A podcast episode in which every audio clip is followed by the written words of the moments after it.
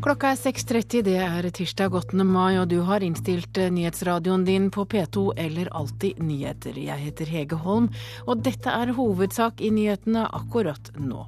Terroren på Utøya minner om tsunami, det sier psykiater som hjalp til etter tsunamien, og i dag snakker med overlevende etter Utøya. Det at man er sammen med mange andre, hvor mange av dem du er sammen med dør, og disse følte jo da en veldig lettelse for å overleve, samtidig som de lurte på hvor, hvor er de andre. KrF vil fjerne fylkeskommunen og erstatte den med nye og større regioner. Og blomster blir stjålet fra kirkegårdene i Stavanger.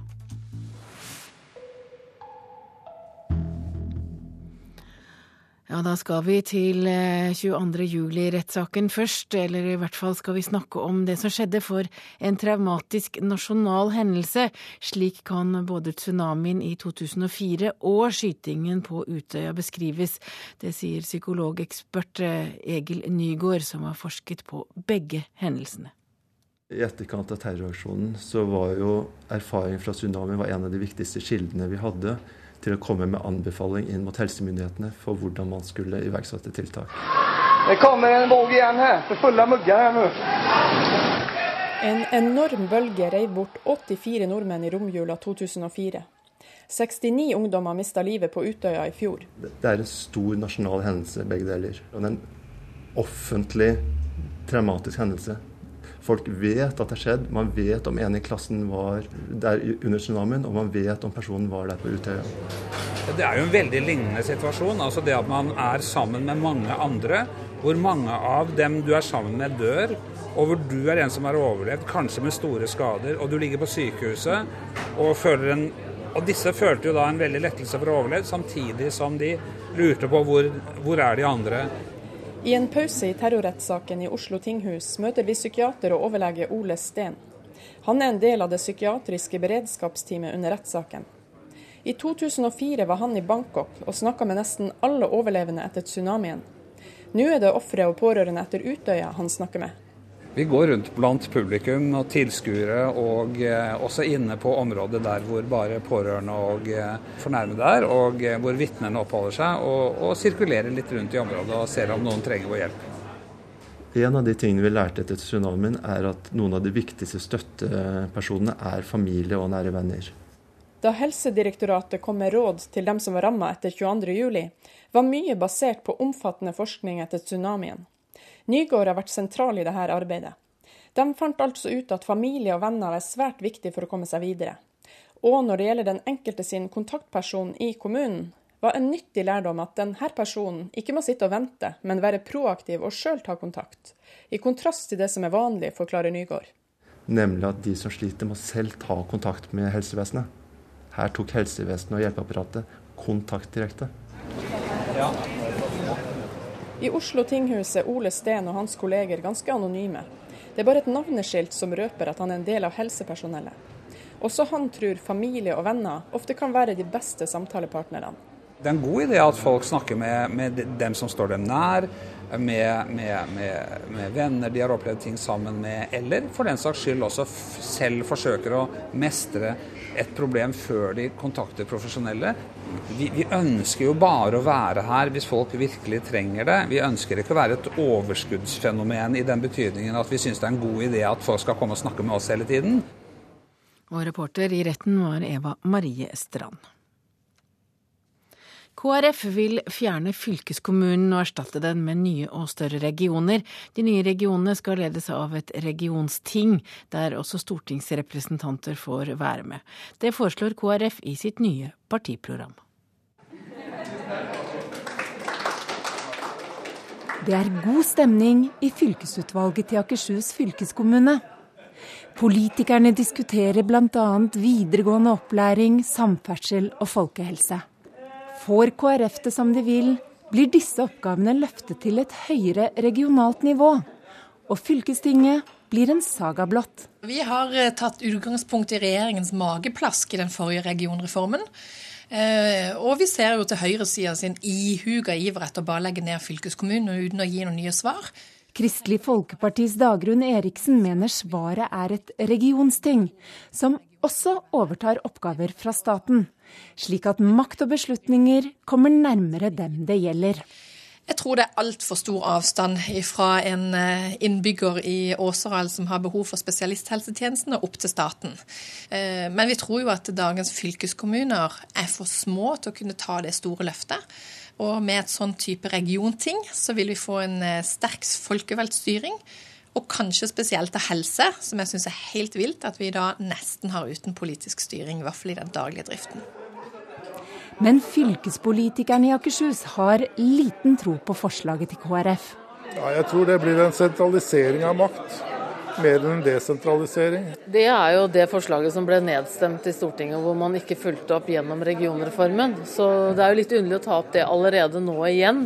Så nå får vi konsentrere oss om det vi har, og gjøre det godt. Og det tror jeg vi kan gjøre. Og det er jo fylkeskommunene. Mens Rolf Lasse Lund fra Arbeiderpartiet fortsatt har tro på fylkeskommunen, mener Vibeke Limi fra Frp og fylkesordfører Nils Åge Jegstad fra Høyre at man heller bør slå sammen og styrke kommunene. Fylkesordføreren er også svært skeptisk til ideen om et regionsting der stortingsrepresentanter får en del av setene. Nei, Jeg, jeg syns det er en bastard som jeg ikke ser uh, poenget i. Altså, Stortinget, her er det viktig at Stortinget steller med det ting som ligger i Stortinget.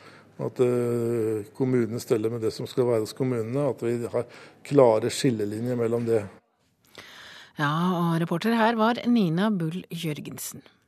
Et nytt terrorangrep er avslørt av amerikanske myndigheter.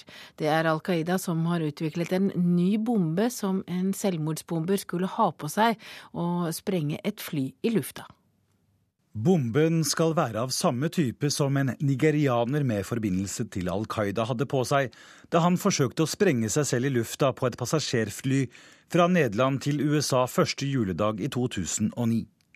Underbuksebomba som nå er oppdaget, er en forbedring, men det er ikke kommet fram hvem som er bakmann denne gangen. Nyheten er nok et bevis på at amerikanerne satser hardt på å knuse Al Qaida i Jemen. Søndag ble en Al Qaida-leder, Faid al-Qusa, drept av et amerikansk droneangrep idet han gikk ut av en bil. Ja, Det sa utenriksmedarbeider Øyvind Nyborg. Den afrikanske unionen krever at kuppmakerne i Mali gir fra seg makten. I kulturbyen Timbuktu og områdene nord i Mali er det ørkenfolket tuaregene og en gruppe tilknyttet Al Qaida som har styrket sin posisjon. Situasjonen er svært uoversiktlig, og utenriksreporter Dag Bredvei orienterer. Usikkerhet om framtida preger innbyggerne i Mali. Den afrikanske union ber de militære som sto bak kuppet for halvannen måned siden om å trekke seg tilbake til forlegningene. Det er ikke nok at de militære delvis har gitt fra seg makten til en sivil overgangsregjering.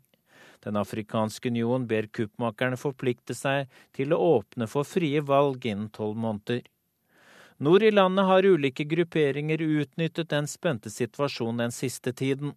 Den nordafrikanske grenen av Al Qaida dominerer der, hvor islamister og tuareg-opprørere i mars fordrev regjeringsstyrkene.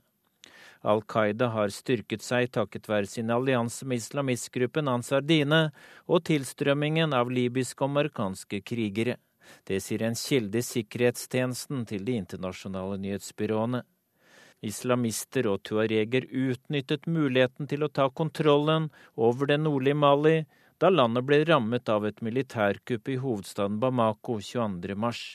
Det gjorde de ved å drive regjeringsstyrker ut av byene Gao, Kidal og Timbuktu nord i Mali. En innbygger i kulturbyen Timbuktu forteller at Al Qaida-sympatisører fra andre land i området har strømmet inn i ørkenbyen, delt ut mat til befolkningen og sagt at de er kommet for å føre hellig krig. Byen Timbuktu står på Unescos verdensarvliste og huser Afrikas eldste universitet og andre arkitektoniske skatter.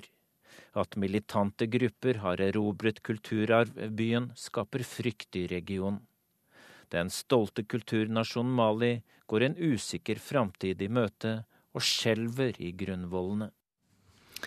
Ja, situasjonen i Mali er altså uoversiktlig og kaotisk, og det som skjer i Mali, det skjer samtidig som det er en alvorlig tørke i området. Og Anne Marie Helleland, du er generalsekretær i Kirkens Nødhjelp. Du var i Mali under kuppet, og det var for å se på den humanitære situasjonen. Hvordan er det i dag? Ja, Den humanitære situasjonen har helt klart forverret seg um, over de siste ukene og månedene.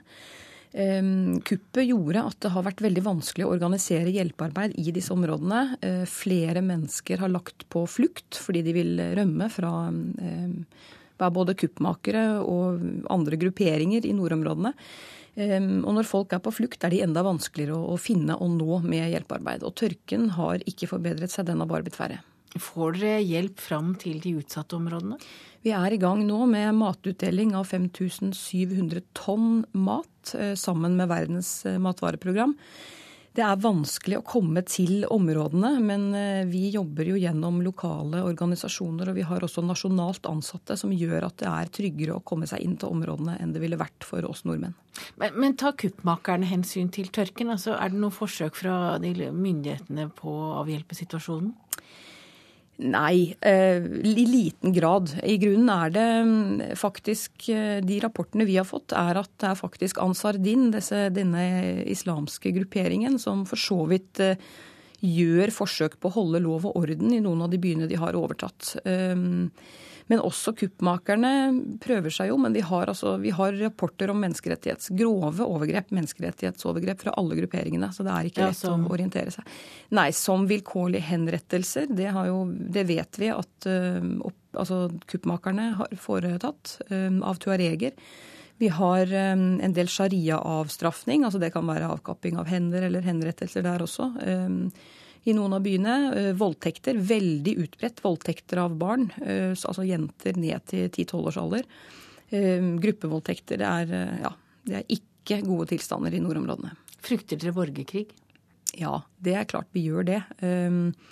Det er jo krigslignende tilstander allerede. Og det vi frykter mest, er vel at det også skal komme inn soldater fra andre naboland. Og det er vel grunn til å tro at det vil gjøre.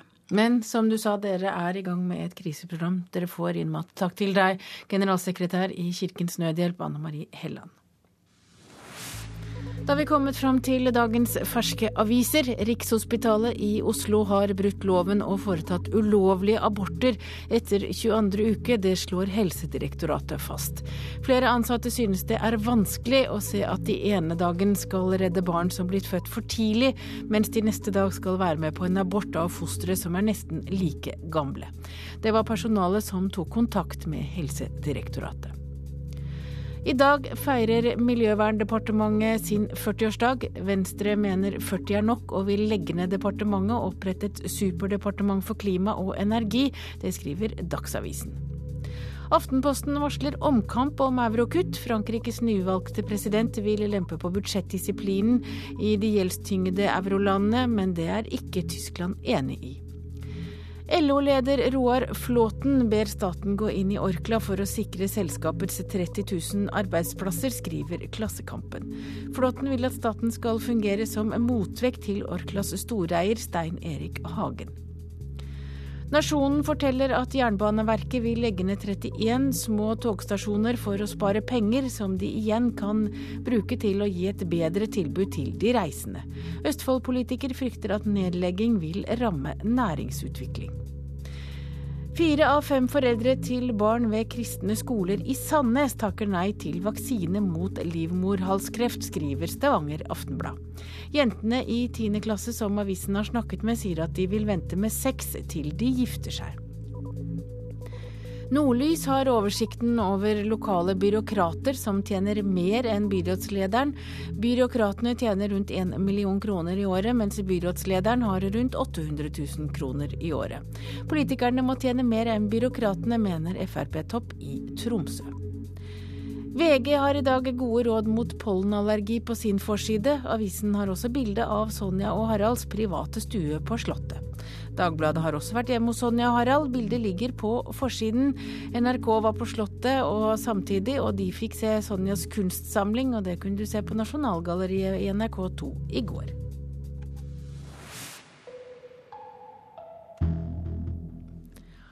I Kina er Al-Jazeeras korrespondent kastet ut av landet. Nyhetskanalens engelskspråklige utgave er tvunget til å legge ned sitt Kina-kontor etter at korrespondenten ikke lenger fikk visum. Dette er den første utkastelsen av en journalist i Kina på ti år, og Anders Magnus, eh, vår korrespondent i Asia, hvorfor får eh, hun ikke lenger være i Kina? Hun er sannsynligvis for flink. Eh, Melissa Chan eh, snakker kinesisk, eh, selv om hun er amerikansk statsborger. Har laget mange hundre innslag her fra Kina, og mange av dem har vært kritiske til myndighetene. Blant annet så avslørte hun hvordan det sto til i de såkalte svarte fengslene, altså ulovlige fengsler hvor myndighetene bl.a. holder opposisjonelle uten lov og dom. Men eh, noe av det som har irritert eh, kineserne mest, er nok en dokumentar Al Jazeera har laget om eh, slavearbeid i arbeidsleirer, hvor millioner av fanger har eh, produsert varer som selges da, av eh, store kinesiske selskaper også til utlandet. Den ble laget utenfor Kina, faktisk, og Melissa Chan hadde ikke noen delaktighet i den, men eh, det er hun som nå blir straffet. Men hva er grunnen til at de strammer grepet akkurat nå? Jeg tror eh, det er samme grunn som det stramme grepet om eh, de opposisjonelle. Eh, ledelsen i Kinas kommunistparti er livredde for å miste makten. Og det er akkurat nå en stor konflikt innad i kommunistpartiet som de forsøker å holde skjult. Vi ser jo utløpere av den bl.a. gjennom denne avsettelsen av Bo Xilai. og og vi ser også noe av det som skjer med, med den blinde aktivisten Chen Guangchang. Eh, men i fjor så ble de livredde eh, etter at det ble opptøyer i Midtøsten, og fryktet at det samme kunne skje her. og Da må man stramme inn også overfor utenlandspresset, så ikke nyheter om Kina siver tilbake til landet, så også gjennom oss korrespondenter som rapporterer ut av landet. Takk til deg, Anders Magnus, vår Asia-korrespondent.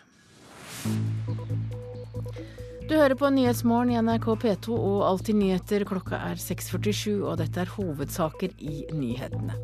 Terroren på Utøya minner om tsunami, det sier psykiater som hjalp til etter tsunamien, og i dag snakker med overlevende etter Utøya. Kristelig Folkeparti vil fjerne fylkeskommunen og erstatte den med nye og større regioner. Og følg med, så får du høre at ingen kvinner vil jobbe i brannvesenet. Mytene må til livs.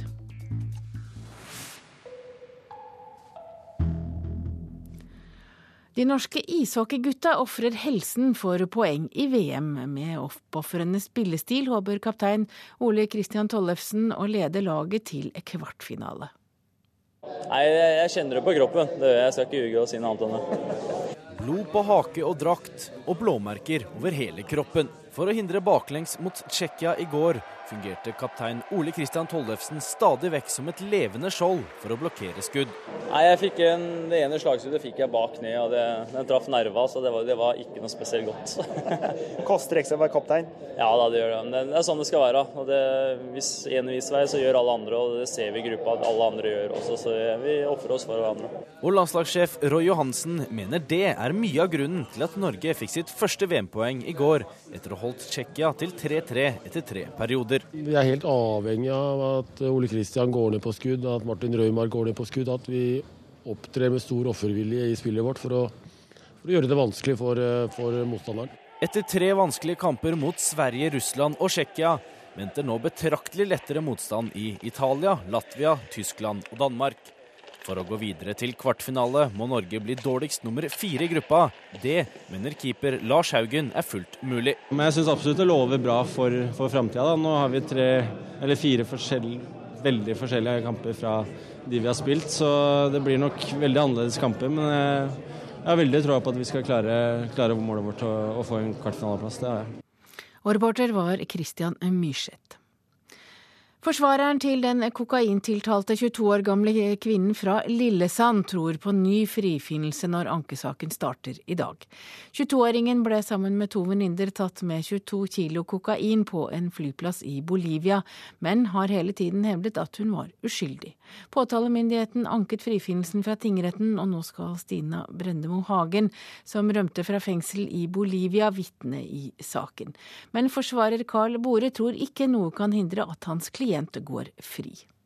Nei, jeg kan ikke skjønne annet enn at når bevisbildet er uendret, så må resultatet bli det samme. Altså at vår klient blir eh, frikjent i lagmannsretten. Det er 2008, en maidag i Bolivia. Tre venninner, da på 17, 18 og 21 år, skal hjem fra en tilsynelatende vanlig ferietur. Da stopper politiet dem og finner til sammen 22,5 kilo kokain i koffertene deres. Alle tre nekter for at de visste om dopet. I dag møter en av dem, en 22 år gammel kvinne fra Lillesand i Borgarting lagmannsrett, sammen med fire andre som er tiltalt for organisert smuglingen. I mellomtiden så har hun rømt fra Bolivia, blitt tiltalt og frikjent for denne norske delen, men dommen ble anket av aktor Petter Mandt, som ikke vil si om de nå har nye bevis i saken. Jeg ønsker ikke å gå inn på hvilke bevis som vil bli ført for retten. Det, det fører vi for retten, og så får retten trekke sine slutninger ut fra det. Men nytt er det i hvert fall at venninnen Stina Brennemo Hagen skal vitne. Hun rømte som nummer to fra fengselet i Bolivia. Hun kan forklare seg om sin eh, befatning med dette, og, og hva hun eventuelt eh, visste eh, i forbindelse med denne saken. Hvorfor er hun viktig for denne saken? Hun er selvfølgelig viktig for å kunne belyse hva hun har vært med på. Vi eh, kommer ikke til å gjøre noe annerledes. 22-åringens forsvarer Carl Bore kan ikke se at Stina Brennemo Hagens vitnemål skal kunne endre på at hans klient blir frikjent igjen. Form, altså, Temaet for saken er jo skyldspørsmålet i forhold til vår klient. Og eh, en person da som Stina Brennemo Hagen som sier at hun er uskyldig, eh, kan ikke ha noe relevant å bidra med i forhold til eh, som kan styrke politiets sak da. Og den tredje venninnen, Madeleine Rodriguez, er nå den eneste som sitter igjen i fengselet i Bolivia. Hun skal også vitne over videolink senere i saken. Reporter her var Ellen Borge Christoffersen. Det er nesten ingen damer som vil jobbe i brannvesenet og på 110 sentraler. Andelen er kun 3,7% Nesten ingen søker på ledige jobber, og, og nå har Fagforbundet engasjert seg. Det er langt mellom lyden av damestøvletter i brannvesenet. Dette er nesten de eneste en finner i Ålesund. Birte Bjørkås er branningeniør og har kun to feiere og noen få damer i administrasjonen som kvinnelige kollegaer. Hun kan tenke seg flere. Jeg kunne godt tenkt meg å ha hatt flere damer, og spesielt nede på beredskapen. Det er jo eh, Være helt ærlig, så er det kanskje lettere få litt bedre kontakt. Da så er det lettere kanskje å gå og spørre ei dame enn eh, disse mannfolka der på beredskapen. For i beredskapen, altså de på brannstasjonen som rykker ut, brannmennene, er det merkelig nok ingen damer. Veldig få søkere som er kvinner. Vi har hatt eh, to som vikarer. Dessverre så vil ikke de fortsette. Det forteller Arne Sigurd Hansen. Han er avdelingsleder for beredskapen i Ålesund. Erfaringa er at nesten ingen damer søker på ledige stillinger. Jeg tror nok kanskje det er en frykt for at det er et spesielt miljø, kan være. Eh, og så stilles det nå en del krav, fysiske krav til dem som vi ansetter. Men det, hvis en klarer de kravene, så er det vel ingen begrensninger, egentlig? Nei, overhodet ingen begrensninger, hvis så lenge kravene blir tilfredsstilt. Nå har Fagforbundet engasjert seg. De har satt ned faggruppe som skal se på utfordringene. Karianne Hansen Heien er rådgiver, og forteller at det er flere ting de må arbeide med. Planlegging med graviditet og å få riktig verneutstyr og annet utstyr som man skal bruke. Og så blir det på sikt å jobbe litt mer med holdninger i brannvesenet. For dere også ser jeg at det er for få kvinner? Ja, det er, det er, veldig få kvinner. Det er jo eh, I Oslo, som er det største korpset, har vel syv eller åtte kvinner i beredskap av en tropp på flere hundre. Og det er klart det at eh, ved å få bedre kjønnssammensetning i brannvesenet, så vil man også få flere folk å, å bygge på. Direktoratet for samfunnssikkerhet og beredskap har et ansvar for mangfold i brannvesenet. Fungerende avdelingsleder Heidi Løvkvist vil mytene til livs. Det er en del eh, myter knytta til at uh, dette er for tungt, det er for fysisk krevende for kvinner. Vi tror at det er mange, mange kvinner der ute som er fysisk sterke nok og, og, gode nok til å bli veldig bra brannmenn. Men det at det heter brannmenn, er det vel kanskje barriere i seg sjøl?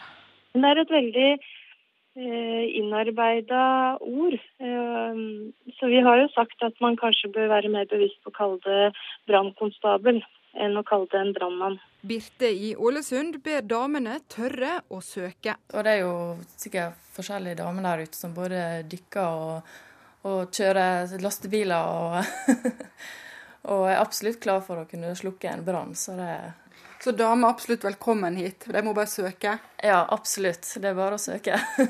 Hørte dere det, alle unge damer som lurer på hva dere har tenkt å bruke livet deres til?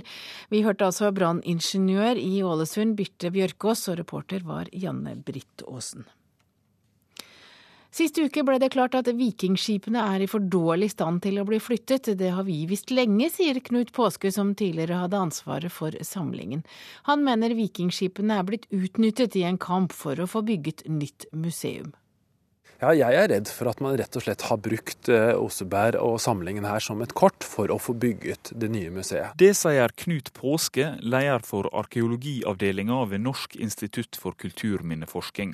Mens de ansvarlige har drømt om å flytte gjenstandene i Vikingskiphuset på Bygdøy til Bjørvika, har de dyssa ned hvor alvorlig det står til med samlinga, mener Påske. Oslo skriker etter et nytt arkeologisk museum, men derfra til å bruke denne samlingen som et kort for å bygge opp opp verdens største vikingskipsmuseum i middelalderbyen Oslo, det er å gå altfor langt. Yes, I have heard of them, but I'm not that interested in Viking. Et nytt og mer sentralt museum skulle skape mer entusiasme og større publikum. Slik skulle en fange opp også de som nå knapt har tid til en tur til Vigelandsparken. Actually, Men sist uke knuste ei utenlandsk ekspertgruppe flyttedrømmen fra midten av 90-tallet. Vår anbefaling er at man forblir her på Bygdøy med Vikingskipsmuseet. Ekspertgruppa, ledet av danske Jesper Stub Johnsen, konkluderte med at gjenstandene ikke bør flyttes på. Altså, hvis du ser framme på den såkalte Gustavsens slede her sånn, her dette treveistykket kommer ut, så ser du at det er en sprekk eller åpning. Knut Påske var mellom 2002 og 2005 ansvarlig for samlinga i Vikingskiphuset. Her ser du faktisk at det er bare pulver inni og et tynt lag, en hinne på utsiden, som holder det hele sammen. En stor del av problemet er at konserveringsteknikken som ble brukt på begynnelsen av 1900-tallet, såkalt alunkonservering, har vist seg å på lang sikt ødelegge treverket.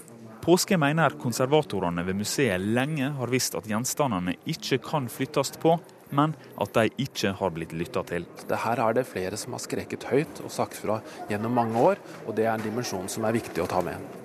I høst gikk universitetet bort fra at flytting til Bjørvika skulle være den eneste aktuelle løsninga. Universitetet grunngir denne kuvendinga med at de først i 2008 ble klar over hvor ille tilstanden er.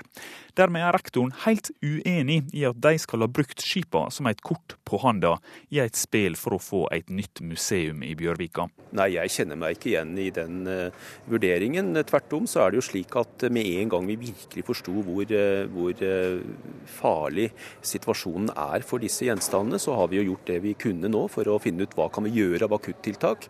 Flytting blir det i hvert fall ikke. Reporter her var Sondre Bjørdal. Da vi kommet fram til et værvarsel som gjelder til midnatt. Fjellet i Sør-Norge sørøstlig kuling utsatte steder tilskyende. Etter hvert litt sludd og snø i sør, i kveld også i nordlige områder. Østland og Telemark tilskyende oppholdsvær fra ettermiddag sørøstlig liten kuling på kysten. Regn først i sør, nedbør som sludd og snø i høyere strøk nord for Mjøsa. Agder sørøstlig frisk bris vest for Lindesnes, stiv kuling. Etter hvert regn først i sør.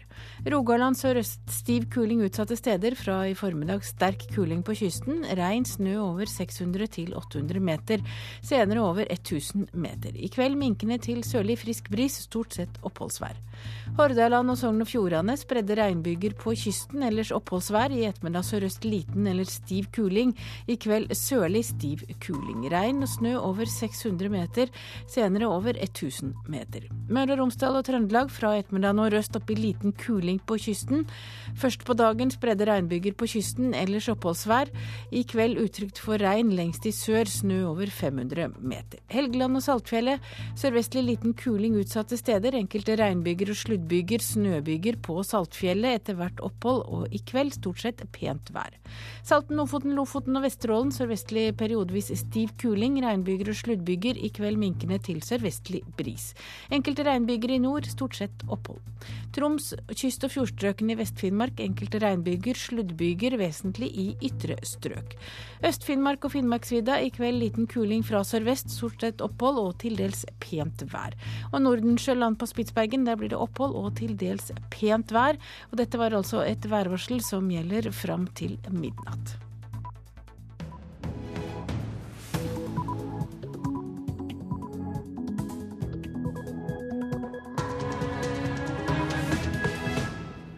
Da har klokka passert sju. Du hører på Nyhetsmorgen, og jeg heter Hege Holm, og her er en nyhetsoppdatering. Aktorene i terrorsaken bør ha 200 000 mer i lønn, det mener Riksadvokaten. Hvis ikke Vi mister eh, de til bedre betalte jobber. Det sa riksadvokat Tor Aksel Busch. Kommunetannleger får ekstra lønn for å behandle voksne pasienter. Det kan føre til at barna ikke blir prioritert, mener professor i barnetannpleie.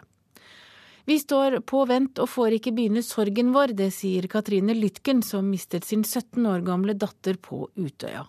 Først blir det rettssak, og så blir det, og så blir det sikkert ankesak. Vi får ikke begynne sorgen vår. Opposisjonen i Syria mener valget på nasjonalforsamling er en teaterforestilling arrangert av president Bashar al-Assad. Det er smått med historiekunnskaper hos studenter i Stavanger. Få har et forhold til 8. mai. Har 8. mai noen spesiell betydning? Nei. Nei. Uh, nei, jeg kommer ikke på noe akkurat nå. Aner ikke. Jeg har ikke peiling. Nei. Ingenting? Nei. Nyhetsmorgen. Da skal vi til terrorrettssaken, for aktorene i terrorsaken tjener altfor lite. Det fører til at for mange statsadvokater slutter etter kort tid for å ta bedre betalt arbeid, sier riksadvokat Tor Aksel Busch. Han frykter for rettssikkerheten i framtiden hvis, hvis ikke lønna økes vesentlig, og han foreslår et lønnshopp på snaut 200 000 kroner. Vi har lønnsforskjeller nå som er på et par hundre tusen, og en viss lønnsforskjell vil vi akseptere i, i vår etat, må vi akseptere. Men den er i dag for stor med enkelte sammenlignbare yrker. Statsadvokaten i Oslo setter herved Anders Behring Breivik under tiltale ved Oslo tingrett. Hele Norge kjenner nå aktorene som driver terrorsaken frem mot en dom. Statsadvokatene Svein Holden, og Inga Beyer Eng vet de gjør en viktig jobb. Men de tjener dårlig sammenlignet med andre juristjobber på samme nivå. Både i det offentlige og i det private. Vi mister de til bedre betalte jobber. Og sjefen deres, Riksadvokaten, må bare se på at én av tre statsadvokater i Oslo sluttet eller søkte seg vekk i fjor. En del går til andre steder i det offentlige, og ikke bare til dommere, som en del gjør, men også andre offentlige stillinger tilbyr høyere lønn enn statsadvokater inn mot det sjiktet vi snakker om her. Ja, er dette noe som truer rettssikkerheten? På sikt øh, vil det gjøre det, hvis vi ikke får reversert utviklingen. Det vil jeg absolutt øh, mene. Noen år tilbake. David Alexander Torsk født 18.9.75, dømmes til en straff av fengsel Arild Dommersnes var statsadvokat i Rogaland og sto 17 uker i retten for å få dømt Nokas-ranerne. Bare to av de sju statsadvokatene i Rogaland er de samme i dag som under Nokas-saken. Arild Dommersnes er privat advokat og bedre lønnet. I mitt tilfelle var det så, så mange forhold, men en betydelig lønnsforskjell har, har naturligvis noe å si. Det har det. Regjeringen med ansvar for statens lønninger ønsker ikke å kommentere saken midt i lønnsoppgjøret. Og det var det Hedvig Bjørgum som sa, reporter i denne saken. Og vi har med oss justiskomiteens leder Per Sandberg. Så hørte vi, altså, vi hørte altså at Tor Aksel Busch er bekymret for rettssikkerheten i Norge dersom ikke statsadvokatene får mer penger. Er det noe vi bør bekymre oss over? Ja, jeg er helt enig med Riksadvokaten. Eh, nå er det kanskje ikke tilfeldig at Riksadvokaten tar det opp akkurat nå under denne store rettssaken som vi har under behandling. Er det et problem? Nei da, men, men altså det, det, jeg prøver å si, er at dette fokuset har Stortinget og justiskomiteen hatt over lange, lengre tid. Vi har sett at det både er problem med å rekruttere inn og få nye statsadvokater, og vi har registrert også lekkasjen, altså at statsadvokater slutter å finne seg bedre betalte jobber både i det offentlige og, og, og i det private. Eh, og komiteen eh, har vært klar over at hele strafferettskjeden må styrkes, og særlig da påtaledelen, som kanskje er den viktigste delen i hele kjeden. Eh, og det er klart at da på et eller annet sikt så greier vi ikke å rekruttere kompetansekvalitet.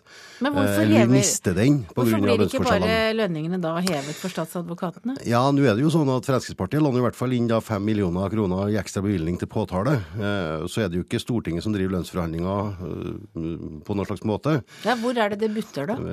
Ja, det, det er vel I det offentlige så, så driver man på en helt annen måte lønnsforhandlingene.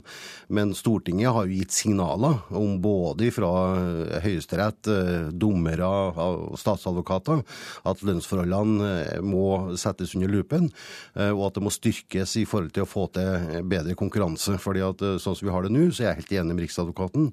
På et eller annet tidspunkt så kan dette her gå utover rettssikkerheten. Og det registrerer vi nå også da, når, vi mister så mange statsadvokater, og man peker på at lønnsforskjellene er en vesentlig del av det. Men 200 000 kroner mer enn det de tjener i dag, det er jo en del penger? Ja da, men lønnsforskjeller har vi overalt. Men nå er de så store begynner å bli, som Riksadvokaten også peker på. eh, At eh, 200 000, kanskje 300 000 også i enkelte sammenhenger. Så er det klart at da gjør det det mye vanskeligere å velge eh, det, den retningen som, som en statsadvokat f.eks. Man velger heller å bli en forsvarsadvokat, starte et eget firma.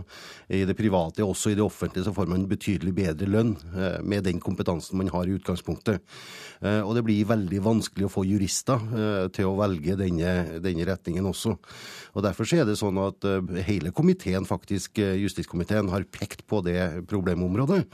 Eh, Og Så får vi håpe og tro da at eh, når Riksadvokaten er så klar i sitt, eh, i sitt budskap nå også, at man tar det til følge, og at regjeringa også følger det opp på en, på en bedre, bedre måte. Men frykter du at det kan være et potensiell bombe her, altså et problem for rettssikkerheten i Norge?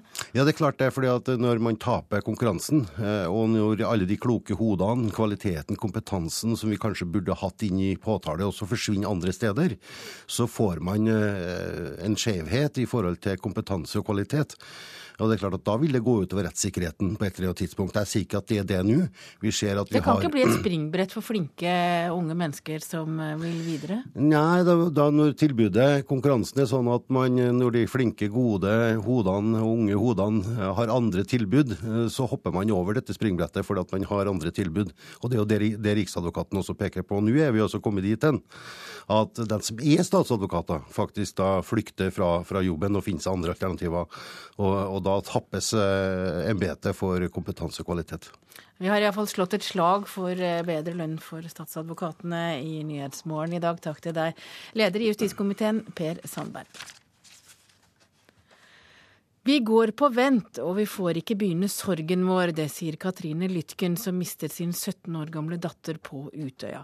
I dag skal obduksjonsrapporten til datteren Katinka Lytken legges fram i rettssal 250, og i går var det endelig urnenedsettelse. Solstrålen min, hun var det. Sterk, flott, nydelig ung jente. Det var, var hun, er vanskelig å si, men det er ja. Det er en fetter som spiller saksofon under urnenedsettelsen. Familie og nære venner utgjør en stor forsamling. De tar farvel med Katinka som bare ble 17 år gammel. Moren forteller at det fremdeles gjør like vondt. Det, det er nesten like ille som 22. juli, bare det er mer endelig. Mer finale på, på tragedien.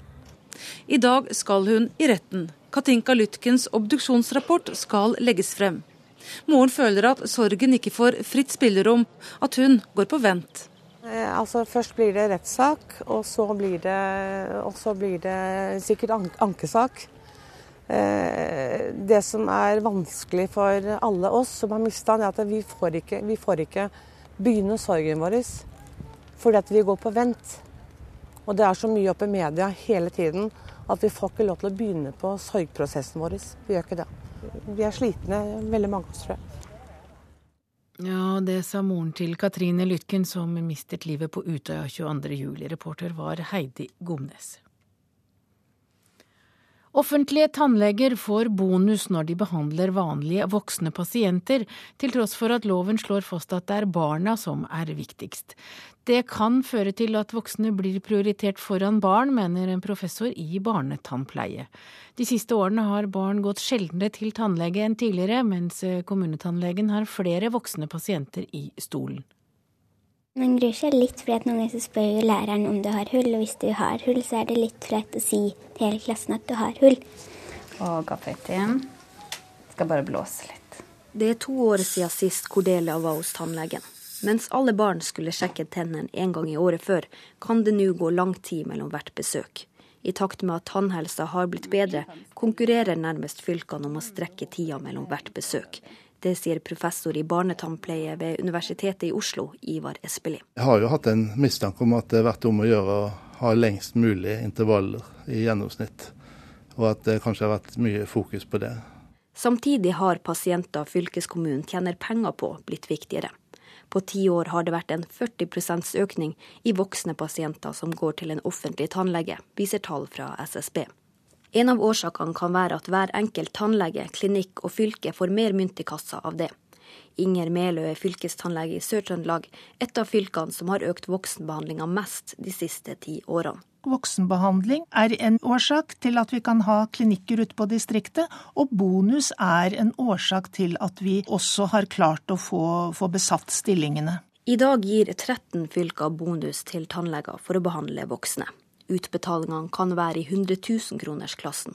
Professor Espelid sier det kan føre til feil prioritering. Det betyr kanskje at eh, klinikerne får et fokus på andre oppgaver enn det som egentlig burde være kjerneoppgavene. Nemlig å behandle de som trenger det mest. Det kan være gamle, pasienter med store orale helseproblemer. Det kan være unge pasienter som, som faller igjennom. Men Melø sier Sør-Trøndelag sin bonusordning er laga sånn at tannlegene må sørge for at et visst antall barn er inne til behandling for å få penger. Det er En forutsetning er at det prioriterte øh, klientellet blir godt ivaretatt. I en rekke revisjonsrapporter blir fylkeskommunene advart mot at bonus kan føre til feil fokus. Men ingen forskere har vurdert ordninga. Har vi et system som kan fange opp avvik? Og Det er jeg litt usikker på. fordi at det er veldig sjelden at uh, fylkeskommunene blir kikket i kortene i den forstand at det blir gjort noe forskning på dette. Og at en prøver på en måte å utvikle modeller som kanskje kan være enda bedre enn de som er i dag. Ja, og reporter Kristine Svendsen som eh, hadde snakket eh, med forskere og tannlege, og vi har med oss Jostein Eikeland.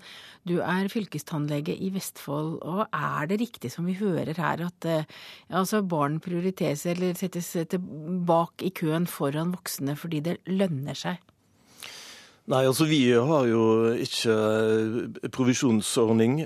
Vi, en, vi hadde i 2008 og 2010 Eh, ei prøveordning for, eh, med bonus uten at vi fant den helt uh, riktige og ideelle modellen. Hvorfor vil dere ha bonus? Uh, nei, da fører, altså De ordningene som vi hadde, viste seg at da uh, behandla vi flere pasienter. Og vi uh, kutta ned på ventelistene.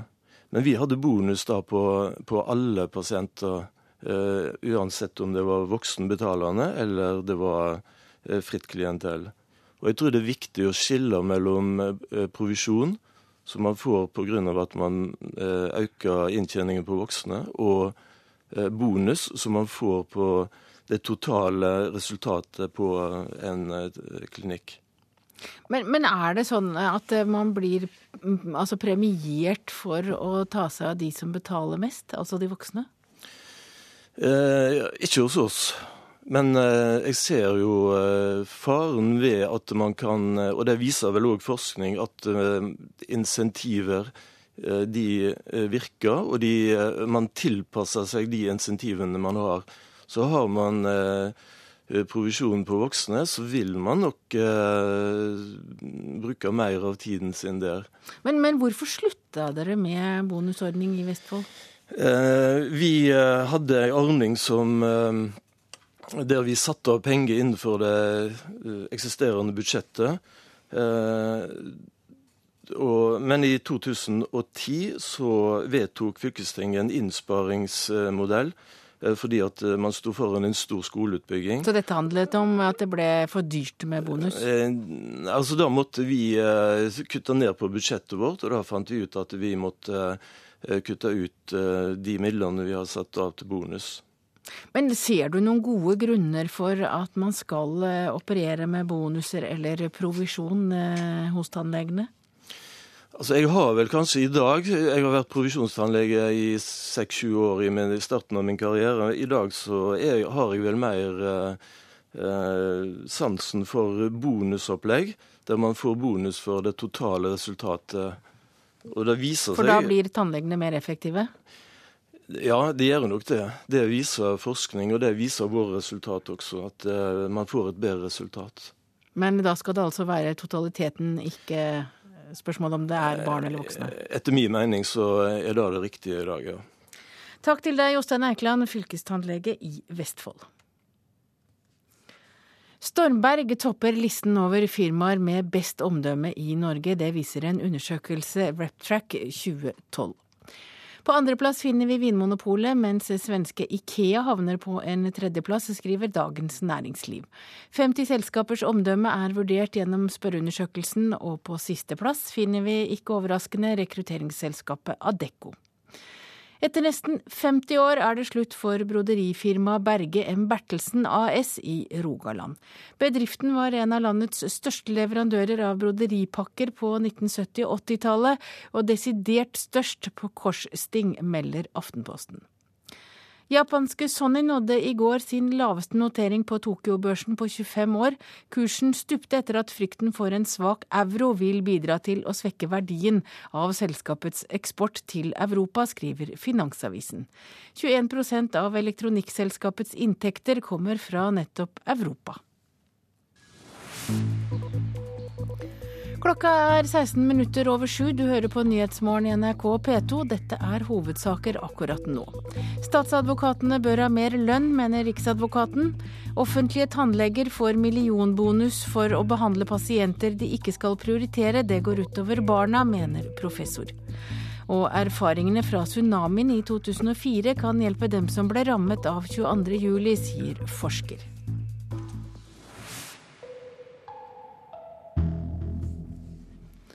Opposisjonen i Syria mener valget på nasjonalforsamling er en teaterforestilling arrangert av president Bashar al-Assad. Også FNs generalsekretær Ban Ki-moon kritiserer valget.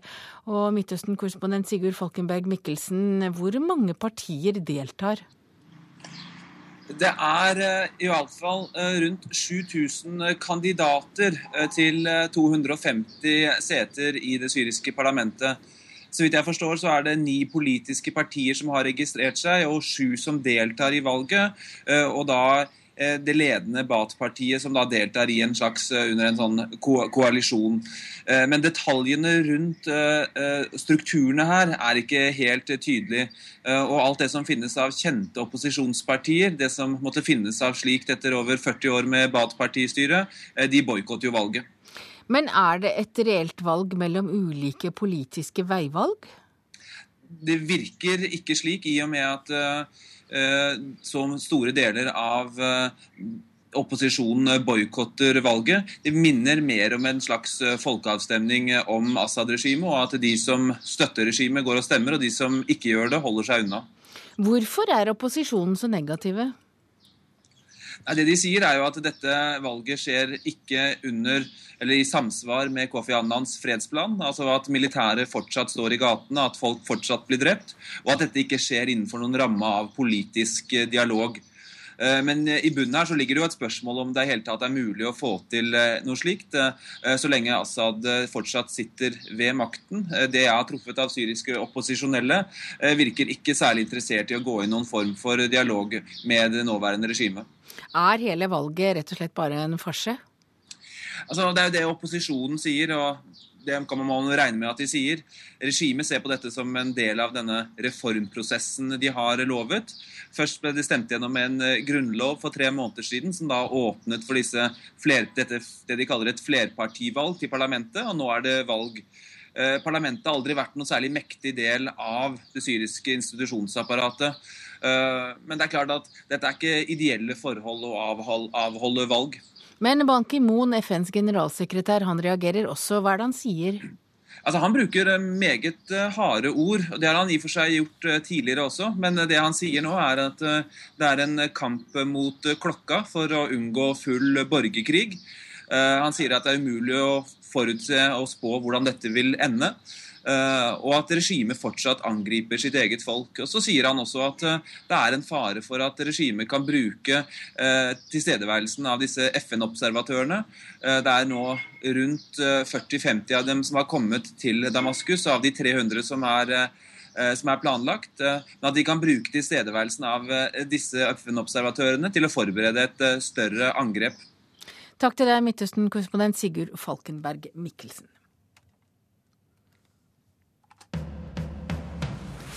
USA har klart å avverge terrorangrep planlagt av Al Qaida, sier amerikanske kilder til nyhetsbyrået AFP.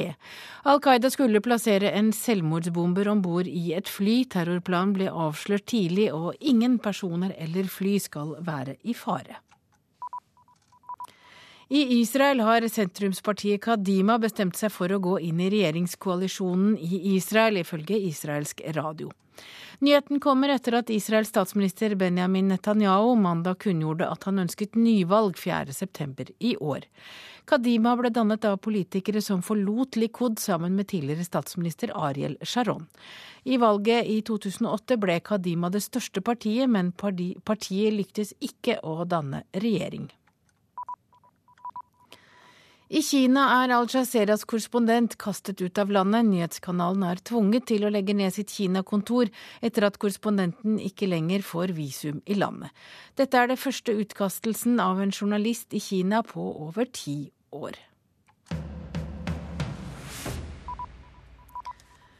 Valget i Hellas har skapt politisk kaos. Velgerne straffer de største partiene, og den videre veien er nå usikker for grekerne. Samtidig skal de nye lederne i landet samarbeide med det internasjonale samfunnet for å få Hellas ut av den økonomiske krisen. Ja, das Wahlergebnis ist um, nicht unkompliziert. Dette er forbundskansler Angela Merkel sine diplomatiske ord. Ikke ukomplisert kaller hun det greske valgresultatet og hun har grunn til å være bekymra. Resultatet er nemlig et sviende nederlag for de kreftene både i og utenfor Hellas som har kjempa for den internasjonale redningspakken. De de vi med haben, Merkel har allerede uttalt at det er svært viktig at alle parter i Hellas holder seg til de avtaler og reformer som det internasjonale samfunnet med Tyskland i spissen har lagt opp til. Her blir Antonios Samaras, leder for det konservative Nytt demokrati, tatt imot av pressa på kontoret til president Papolias. Hans parti gikk på sitt dårligste valgresultat noensinne i partiets 40 år lange historie. Likevel holdt de posisjonen som det største partiet i Hellas. Han har nå tre dager på seg til å finne fram til en ny regjeringskoalisjon, men vil møte store utfordringer. We are ready to take the responsibility of forming a government of national salvation, but with two specific aspirations that the country remain in the euro and the policies of the bailout agreement are amended. I understand the rage of the people. Det sa partileder Samaras til Al Jazeera, og det greske sinnet fikk utfolde seg i dette parlamentsvalget. Folket valgte inn parti både fra ytre venstre og ytre høyre fløy. Mellom annet fikk det nynazistiske partiet Gyllent daggry nesten 7 av stemmene, godt over sperregrensa på 3% Med det er de inne på parlamentet for første gang, noe det jødiske samfunnet i Hellas frykter. Vi,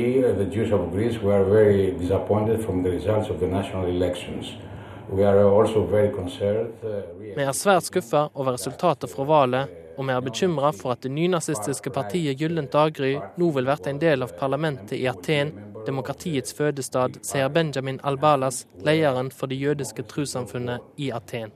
Om Gyllent daggry sin partileder Nikolaos Mikaloliakos klarer å forsikre Hellas sine jødiske borgere om at de ikke trenger frykte noe, er usikkert. Good. For everyone who is traitor, I don't care.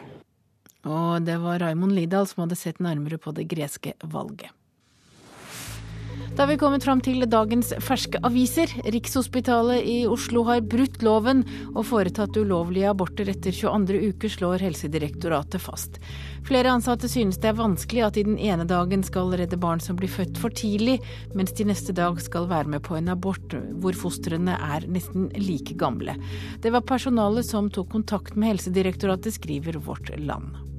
I dag feirer Miljøverndepartementet sin 40-årsdag. Venstre mener 40 er nok, og vil legge ned departementet og opprette et superdepartement for klima og energi, skriver Dagsavisen. Aftenposten varsler omkamp om eurokutt. Frankrikes nyvalgte president vil lempe på budsjettdisiplinen i de gjeldstyngede eurolandene, men det er ikke Tyskland enig i. LO-leder Roar Flåten mener staten bør gå inn i Orkla for å sikre selskapets 30 000 arbeidsplasser, skriver Klassekampen. Flåten vil at staten skal fungere som motvekt til Orklas storeier Stein Erik Hagen. Fire av fem foreldre til barn ved kristne skoler i Sandnes takker nei til vaksine mot livmorhalskreft. Jentene i 10. klasse som Stavanger Aftenblad har snakket med, sier at de vil vente med sex til de gifter seg. VG har gode råd mot pollenallergi på sin forside. Avisen har også bilde av Sonja og Haralds private stue på Slottet. Dagbladet har også vært hjemme hos Sonja og Harald.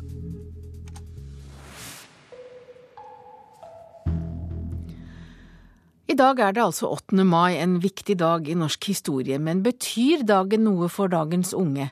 Vi tok turen til Universitetet i Stavanger, der man skulle tro at de mest kunnskapsrike unge burde befinne seg. Hmm, det viste seg at historiekunnskapene var det så som så med.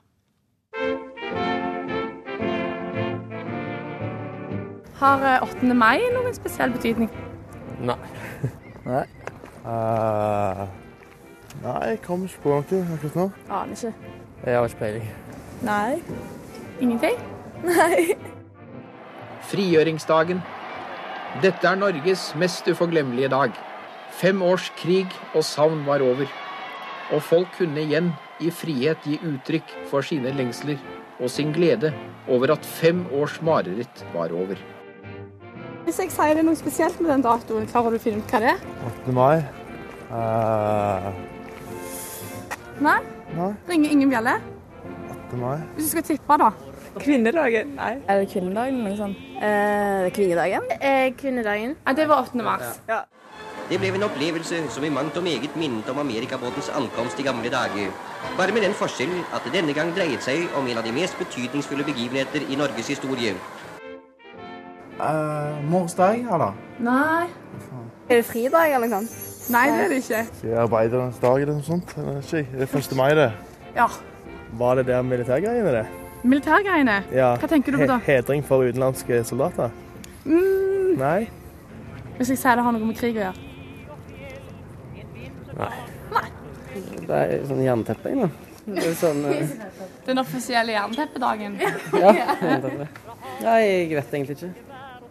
Det var denne underskriften, fra restene av den tyske overkommando i Nord-Tyskland, som gjorde at Nazi-Tyskland overga seg betingelsesløst i Norge. Er ikke det noe historisk? Kan godt være. Om Norge? Kan godt være. Jeg tror det er noe med krigen. Ja. Andre verdenskrig. Ja. Jeg husker ikke mer. Nei, si det. Jeg har ikke peiling. Hvis jeg sier det har noe med krig å gjøre. Nei, det har ikke noe til. Noe med tyskerne å gjøre. Tyskerne Nei, da kanskje de reiste vekk fra Norge. Da ga de opp. Du nærmer deg frigjøringsdagen. det? Frigjøringsdagen. Ja, ja, jeg klarte det. Woo! Du, det er ikke så mange her oppe som vet det. Ja, det forstår jeg. Gjør vi, tenker, vi tenker ikke så mye på det. Vi lever i en liten boble, trygg boble her, så tenker ikke på fortida så mye. Men det er ikke sånn et ordtak som går noe sånn som at hvis du ikke vet historien, så Vil du repetere den? Ja. Stemmer jo det, så Hadde ikke det vært litt dumt? Jo, absolutt.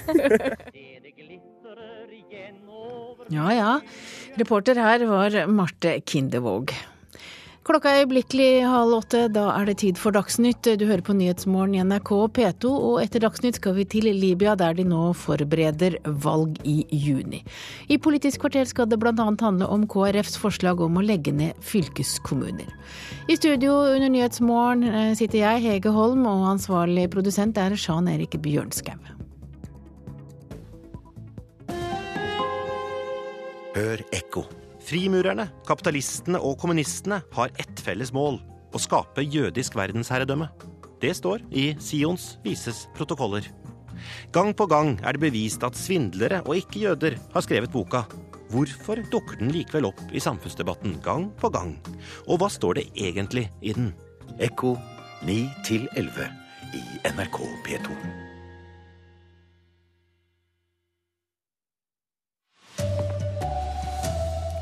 Aktorene i terrorsaken bør ha flere hundre tusen mer i lønn, mener Riksadvokaten.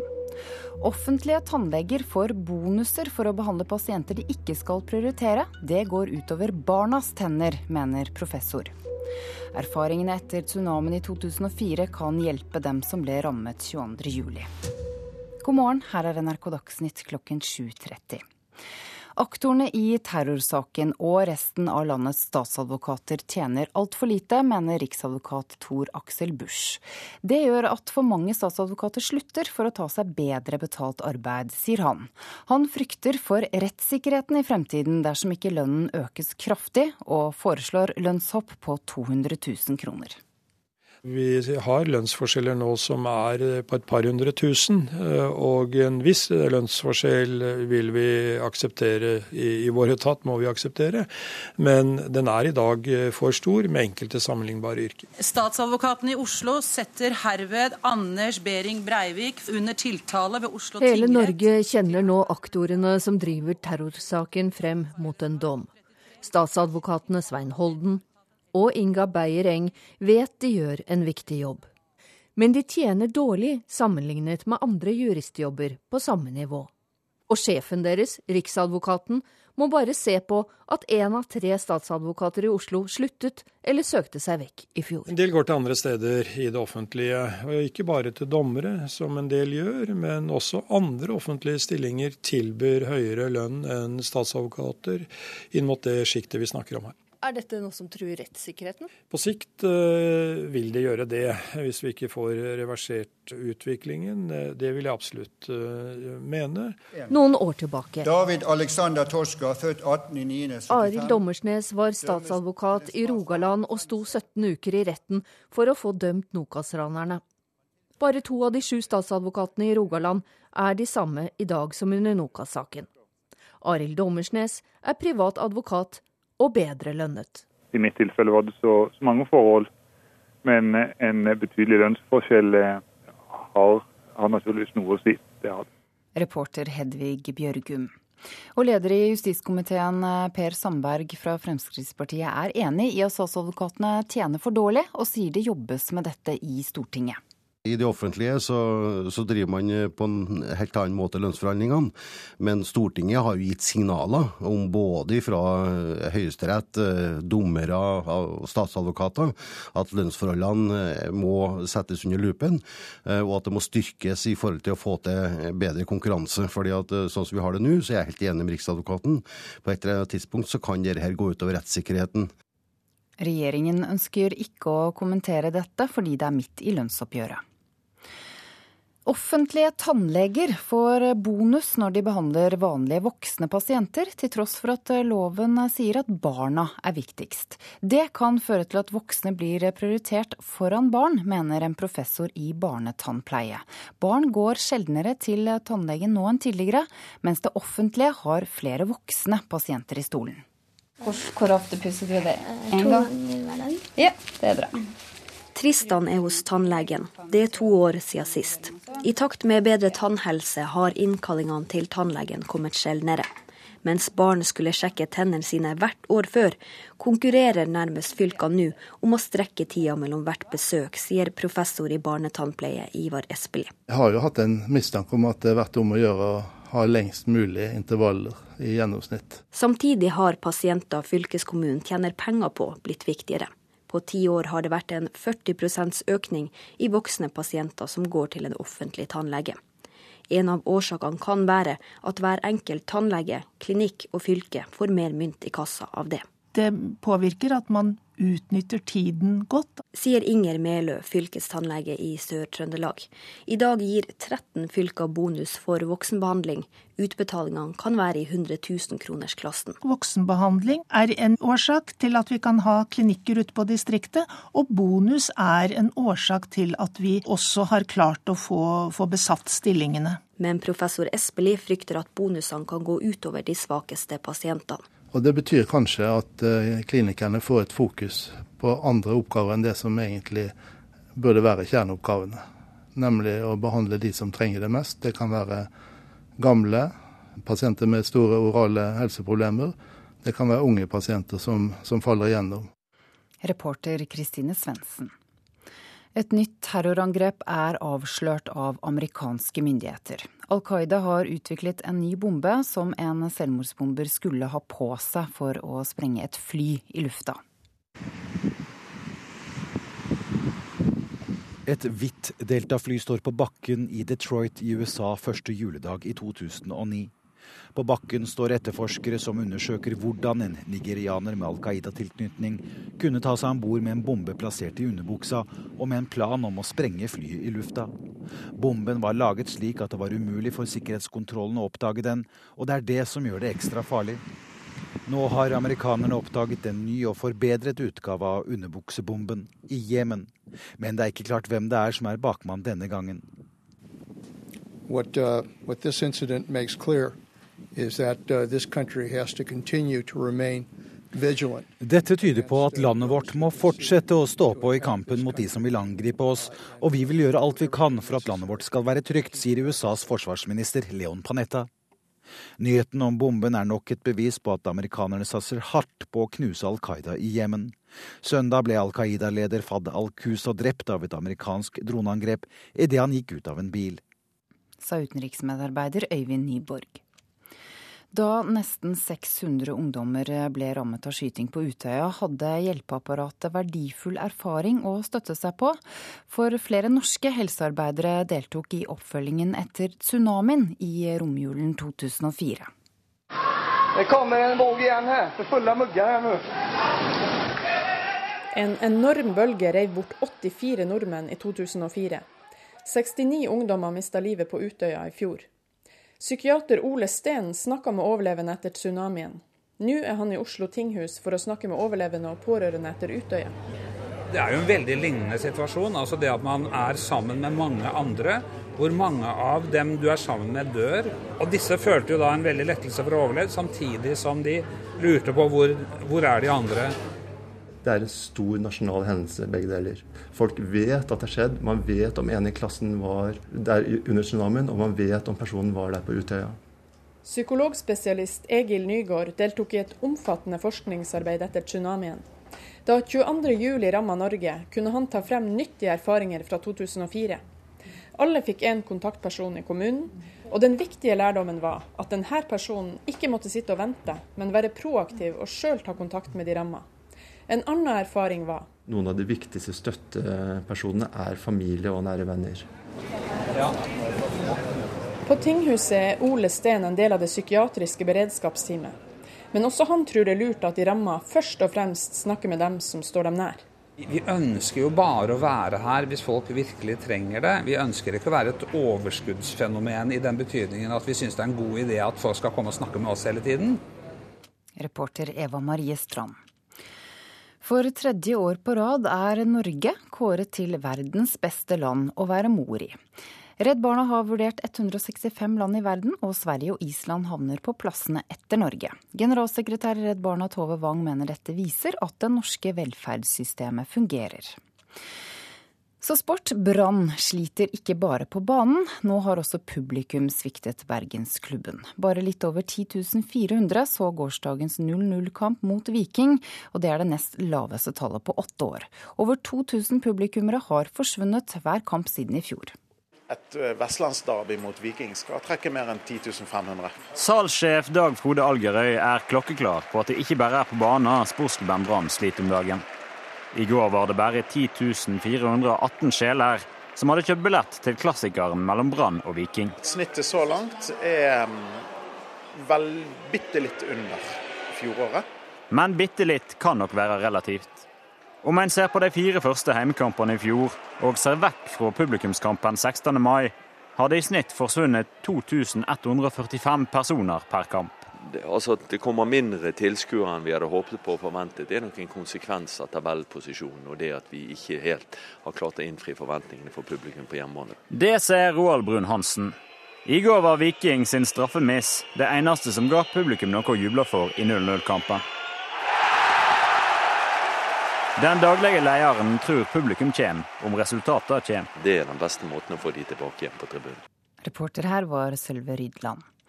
Ansvarlig for sendingen Arild Svalbjørg, teknisk ansvarlig Frode Thorshaug, jeg heter Ida Creed.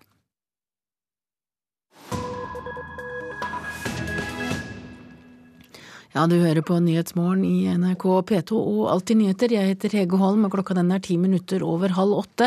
Og vi skal til Libya, der det nå er opprettet over 1200 stasjoner hvor folk kan registrere seg foran valget i juni. Da skal libyerne avholde det første demokratiske valget etter at Mohammed Gaddafi falt.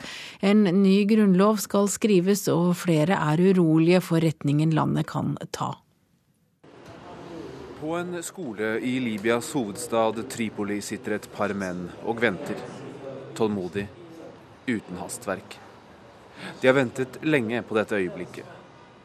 Over 40 år med Muammar Gaddafis styre er over, og i juni skal Libya etter planen stemme inn en forsamling som skal utpeke de som skal skrive en ny grunnlov.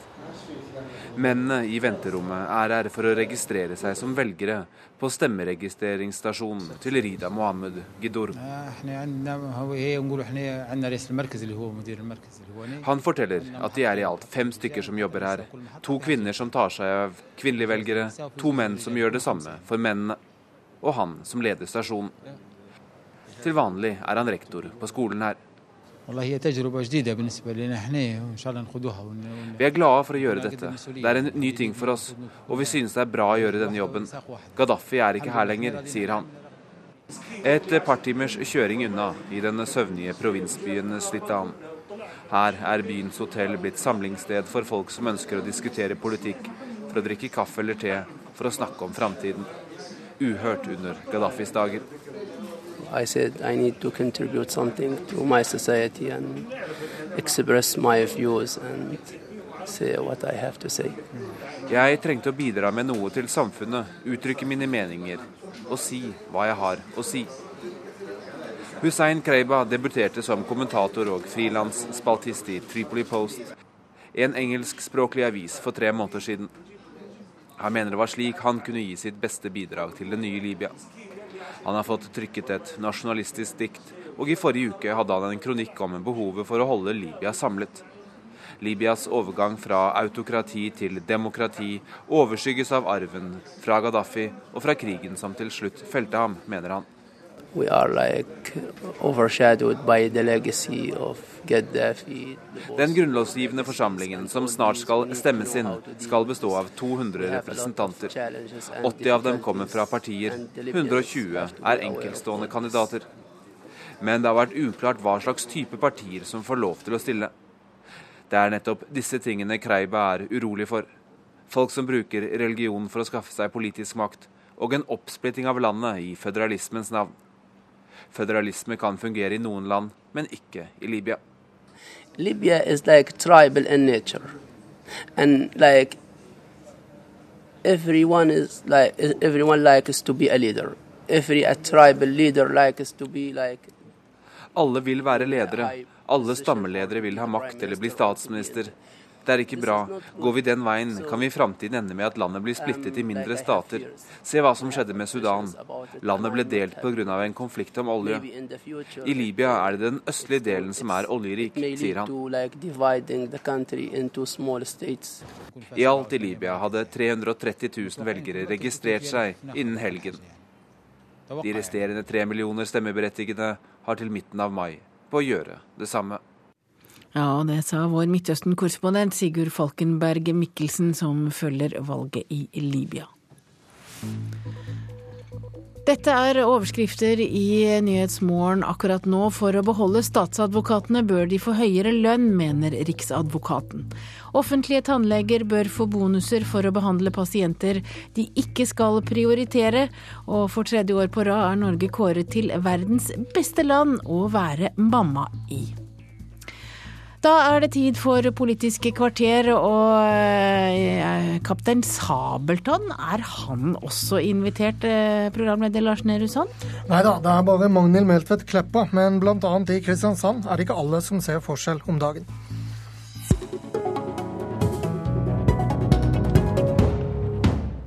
Men først gigantfylker som kan løse statlige oppgaver som sykehus og europaveibygging, er KrFs svar der andre spør etter nytt kommunekart. De nye regionene skal styres av direkte folkevalgte og stortingsrepresentanter i fellesskap, som vi hørte i Dagsnytt. Dagrun Eriksen, du er nestleder og leder av programkomiteen i KrF. Hvordan skal dette fungere i praksis? Vi tenker oss et ting hvor regionale politikere og sentrale politikere fra Stortinget sitter sammen og løser oppgaver på tvers av regionene. Eh, grunnen til at vi har kommet opp med modellen, er det at vi opplevde at både lokale politikere og regionale politikere var veldig klar til å gjennomføre en regionreform i sin tid. Det ble jo et svært mageplask for den rød-grønne regjeringen. Eh, men vi mener fortsatt det er eh, oppgaver som bør løses, særlig sykehusene bør komme under sterkere politisk kontroll. Og de bør eh, være løsninger som vi i fellesskap kan gjøre på en mye bedre måte enn det som gjøres i dag. Hvor mange regioner vil du ha? Det er jo oppgavene som må på et vis avgjøre det, men at de bør være store nok og robuste nok til å kunne ta og takle foretak, helseforetakene i dag, det er ikke tvil om. Og i dag har vi fire-fem helseregioner? Vi har fire-fem, men jeg representerer jo Helse Størst, som det populært kalles. Det er en altfor stor region. Avstanden fra Hamar til Kristiansand blir for stor, og det er vanskelig å klare å finne de gode løsningene på tvers. Så mellom fem og ti, da? Mellom fem og ti. Trond Helleland, du representerer kommune, kommunalkomiteen for, eller sitter der for uh, Høyre og kaller dette velment, men fåfengt. Hvorfor det? Først vil jeg si at jeg syns det er positivt at eh, Kristelig Folkeparti nå prøver å dra i gang en ny, ny debatt om eh, kommunestruktur. Og jeg syns det er veldig positivt at KrF nå sier at fylkeskommunen bør avvikles. Det er jo et standpunkt Høyre har hatt i mange år. Men vårt svar er ikke å ha et nytt eh, forvaltningsnivå, men det er å fjerne det ene av de tre. Eh, og jeg syns nok eh, kanskje det, det er spenstig, dette forslaget om at vi som stortingsrepresentanter også skal sitte og bekle verva i regiontinget. Men det reiser ganske mange prinsipielle spørsmål, der eh, bl.a. en kan stille seg spørsmål om en ikke da vil være med på å undergrave parlamentet og parlamentarismen, der du liksom får dobbel representasjon i et regionalt forvaltningsnivå. Det har jeg dessverre liten tro på. Men jeg skal gi KrF honnør for spenstig tankegang. Kanskje Eriksen har litt mindre å gjøre på Stortinget enn deg? Nei, det tror jeg ikke. Hun eh, jobber døgnet rundt, så vidt jeg kan se. Men eh, det er nok noe med det at eh, vi som er valgt fra et fylke, vi gjør vårt beste for å representere det fylket. Men på Stortinget så er det som regel partiet og partitilhørigheten som avgjør hvilke standpunkt du tar til sjuende og sist. Og hvis en skulle ha en blanding her av roller, så tror jeg det ville føre til enda større avstand eh, fra velgerne til disse regiontinga. Men da kan du jo forplikte representanten mer, da, ved å ha dette regionmøtet på forhånd, hvor du ikke blir bundet opp av partifarge og Nei, men da, da, må vi gå over til en annen valgordning, der du velger enkeltrepresentanter i enmannskretser og sier at jeg skal representere Drammen f.eks., og så skal jeg gjøre mitt beste både i regiontinget og Stortinget for å gjøre det. Jeg representerer Buskerud, jeg representerer Høyre, og det er som regel partifargen som er avgjørende for de endelige standpunktene vi fatter. Eriksen. Nå syns jeg at eh, Høyre konstruerer problemer. fordi at eh, det er sånn i dag at i et, type, et regionting eller i et fylkeskommune så er også partier å representere, sånn at partifarvene vil være gjennomgående uansett hva man velger. Og det er dobbel representasjon i dag. For det man ser, ser at kommuner, altså i, I Høyre sin modell så vil vi se mye større bruk av interkommunale modeller og at man har dobbel representasjon, men uten at det er satt sammen i et politisk styrt organ. Det blir tilfeldig hvem som sitter der, og det blir ikke velgerne har ingen påvirkning på dette. Og Nå sitter vi med et stort område, f.eks. sånn som sykehus, hvor velgerne ikke har en mulighet til å påvirke. Det eneste vi kan gjøre, er å sende brev til statsråden, også vi i Stortinget. Sender brev til statsråden som skal sende det videre til helseforetaket i håp om at styret der gjør som politikerne ønsker. Det mener KrF at vi må få under politisk kontroll på en mye større måte. Og vi tror da at et sånn regionting vil være med og kunne ta, være robust nok til å ta de oppgavene på seg. Men begynner du ikke litt i feil ende her? Fordi eh, du stiller jo laglig til for et mageplask selv, da, for å bruke ditt eget vokabular, og istedenfor å være med bl.a. Høyre på en diskusjon om kommunegrensene og kommunenes oppgaver. Nei, for jeg tror at det å se avstanden, uansett på et vis hvor store kommuner du lager, men avstanden eh, fra kommune og opp til stat er for stor etter KrFs mening. Vi trenger noen regionale diskusjoner. F.eks. på Sørlandet nå så har man lagd eh, Regionplan 2020, så man har stått sammen to fylker for å lage hva er det vi som region har behov for. Det er annerledes enn hva Finnmark har behov for. Så det er behov for en regional politikk. Og så tror vi at med å sitte sammen stortingsrepresentanter og lokale, regionale representanter, så kan vi få slutt på noe av det svarteperspillet som vi ser i dag. Nemlig at man skyver, sier at det har staten ansvar for, det har de ansvar for lokalt, og så skyver man egentlig ansvaret over på hverandre. Men du vil at disse regionene skal ha ansvar for videregående skoler, eh, f.eks., som fylkene har i dag. Du, Trond vil lage kommuner som er store nok til at videregående skoler kan plasseres under kommunalt ansvar. Ja, det burde ikke være noe problem, fordi vi skal ha generalistkommuner, dvs. Si kommuner som har ansvar, det samme ansvarsområdet. Men det kan ikke være noe problem at kommuner samarbeider om å løse oppgavene. Det gjør de i dag. Jeg er enig i at det kan være demokratiske utfordringer med interkommunalt samarbeid, men det vil ikke bli noe mindre utfordring av å sause sammen eh, storting og, og fylkesting i ett organ. Det er i dag store utfordringer med å få folk til å engasjere seg når det gjelder fylkestingsvalget. og Jeg tror ikke det ville bli noe lettere lettere hvis du ikke er helt sikker på hvem var det stemte på nå. Var det en som var lokal eller regional, eller skulle den være Stortinget? Altså, Dette ser jeg problematisk på. men jeg er veldig glad for, for nå har vi nettopp avgitt innstilling på stat-kommunemeldingen som Navarsete omsider la fram. Og der er jeg veldig glad for at også KrF tar til orde for at vi nå må se på kommunestrukturen. Det er snakk om frivillig sammenslåing, det gjør vi også. Men at det er behov for større kommuner, det er i hvert fall et utgangspunkt som jeg tror de fleste har nå. Men det må være oppgaver som Eriksen nå vil da løse regionalt, som du kan være enig i at uansett hvor store kommunen du lager, så, så vil det ikke være hensiktsmessig å løse det helt lokalt? Ja, og Derfor så har jo Stortinget vedtatt at eh, sykehusene skal drives av staten. Så jeg skjønner ikke hvorfor den da skal trekke dette ned på regionalt nivå igjen. Eh, vi ønsker å avvikle de store helseforetakene, men vi ønsker å ha lokale helseforetak som da styres. Og Den diskusjonen kan vi jo ta hvilken modell vi skal styre dem etter. Vi har ment at det viktigste er at det sitter faglig sterke personer i de styrene, og ikke nødvendigvis politisk valgte. Men Stortinget må jo ha en rolle sterkere enn i dag i å kunne påvirke utformingen av sykehusvesenet. Her beskriver jo Trond de utfordringene som faktisk faktisk fins i forhold til den politiske styringen av helseforetakene. Ja, og En like stor utfordring må vel være for deg å få flertall for dette, for nå har vi hørt at Høyre ikke nødvendigvis hjelper dere der? og det er jo, vel men de skal jeg, jeg syns at vi plikter alle de regionale politikerne som jobber knallhardt med å fylle ting med oppgaver. Sist man snakka regionreformen, og staten svikta og ikke klart å levere noe på dette. Og ta denne debatten på nytt. Ikke begynne med å se alle problemene. Se om dette kan gi oss en ny vri og snakke om regionreform, sånn at vi kan få løst de viktige oppgavene ute i regionene. Du legger da frem KrFs forslag til eh, partiprogram, som skal på en førstegangshøring internt i organisasjonen nå i dag. Er det et uh, programforslag som uh, vil spisse KrF sitt særpreg, eller gjør det enklere å få til en firepartisregjering? Dette er KrFs gule politikk. Eh, det er sentrumspolitikk og det er kristendemokratisk politikk. Vi har ikke skjelna verken til venstre eller til høyre. Dette er fortsettelsen av jobben vi starta i 2009. Hvem er KrF, og hva får velgerne hvis de gir mye gulfarve i det samarbeidet vi eventuelt skal inn i? Takk for at du kom, Dagrun Eriksen.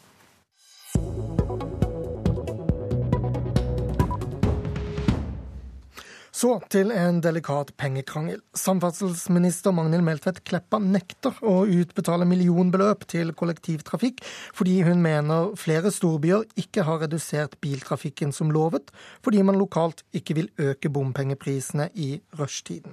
Byene mener Kleppa bryter en flerårig avtale ved å holde igjen disse pengene, og i går møttes høyrestyrte Kristiansand, Bergen og Oslo på Erna Solbergs kontor for å, støtte, eh, for å få støtte i den videre striden med Kleppa.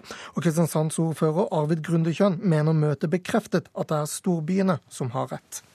Det som er krystallklart fra både Erna Solberg som Høyres leder og også eh, Hareide som eh, KrFs leder, er jo at de er opptatt av at man skal bli enige om, uh, om mål, men, uh, men, man har respekt for lokaldemokratiet når det gjelder å velge midler. Og Det vi opplever fra Samferdselsdepartementet er jo at det skal være rushtidsavgift for enhver pris. og Det er da et syn som ikke, som ikke deles av lederne i disse partiene. Sa altså Arvid Grundekjønn og Magnhild Meltvedt Kleppa, du er her i studio nå. Hvorfor presser du byene til å innføre rushtidsavgift som de selv er imot? Meningen med belønningsordningen det er å stimulere til framkommelighet, helse og miljø i byområder. Og det er en ordning som eh, var på 60 millioner kroner når denne regjeringa overtok. Eh, I år har vi 411 millioner til disposisjon. Stortinget har flere ganger eh, stramma inn ordninga i den forstand at de har sagt helt klart at vi både skal sette mål men òg virkemidler for å nå de målene. Eh, og fireårige avtaler skal prioriteres. Da er det min oppgave å ettersjå at storbyområder føler de avtalene som de sjøl har inngått. De har sågar foreslått teksten helt sjøl i noen av de. Men la meg understreke Rushtidsavgift har aldri stått alene som et krav fra Samferdselsdepartementet. I de avtalene som er skrevet under på, så står det som eh, restriktivt virkemiddel rushtidsavgift eller eh, tilsvarende ordninger. Ja, Striden her handler da om kommunene bryter eller følger denne avtalen, og om departementet gjør det samme. Trond Helleland fortsatt eh, med oss fra Høyre. Hva mer kom frem på dette møtet hvor Solberg lover eh, sine lokale folkevalgte hjelp? Nei, Det var jo eh, først og fremst et møte der eh, Erna ble orientert om det presset som byene nå føler. og der det er en kraftig irritasjon over at det som ble oppretta av Bondevik II-regjeringen, nemlig belønningsordning for kollektivtrafikk, nå har blitt en belønningsordning for rushtidsavgift. Det er et press fra Samferdselsdepartementet. Jeg er ikke sikker på at det er Magnhild sjøl som eh, står og liksom vifter med den røde kluten, men det er et tydelig press, også i min region, i Drammensregionen, så føler jeg det presset for å innføre køprising eller rushtidsavgift. Mens det i klimaforliket og i, i de dokumenter som finnes om eh, denne belønningsordningen, så står det at den skal ha tiltak for å redusere biltrafikken, deriblant køprising, veiprising etc. Så jeg mener at en må se på resultatene. Hva er det byene oppnår? Og det er jo ganske forunderlig at den byen som har oppnådd mest i landet, nemlig Oslo, ikke får ei krone av belønningsordningen. De burde jo blitt belønna fordi at de faktisk har fått en overgang fra biltrafikk til kollektivtrafikk. Så dette er jo blitt et uh, prosjekt der det er om å gjøre belønne sine egne. Det er jo Trondheim som stikker av med den store potten her. Og de har da innført noe som de kaller bomavgift med rushtidseffekt. Og det var midt i blinken for Meltveit Kleppa og hennes folk i departementet. Så, og det er jo dessuten en rød-grønt styrt by, så derfor så får de altfor mye og det blir liksom litt eh, Syns det er påfallende at denne regjeringen nærmest belønner sine egne, men straffer eh, eh, andre som ikke da følger deres pipe fullt ut. Ja, Hvorfor mener dere Kleppa bryter med klimaforliket i denne saken? Nei, altså I klimaforliket så står det at jeg kan jo sitere at Byområder som ønsker å utprøve veiprising, differensierte bompenger eller andre trafikkregulerende tiltak skal prioriteres. Og trafikkregulerende tiltak det er langt eh, noe mer enn eh, rushtidsavgift. Oslo har jo ikke rushtidsavgift. Jeg betaler 40 kroner hvis jeg skal kjøre fra Drammen til Oslo, mens f.eks. i Trondheim betaler du halvparten under det. Eh, og da kan du si at Oslo har gjort en kjempegod jobb, men de får altså ikke en krone fordi at de ikke kaller det rushtidsavgift, så dette blir jo symbolpolitikk i tillegg. Kleppa.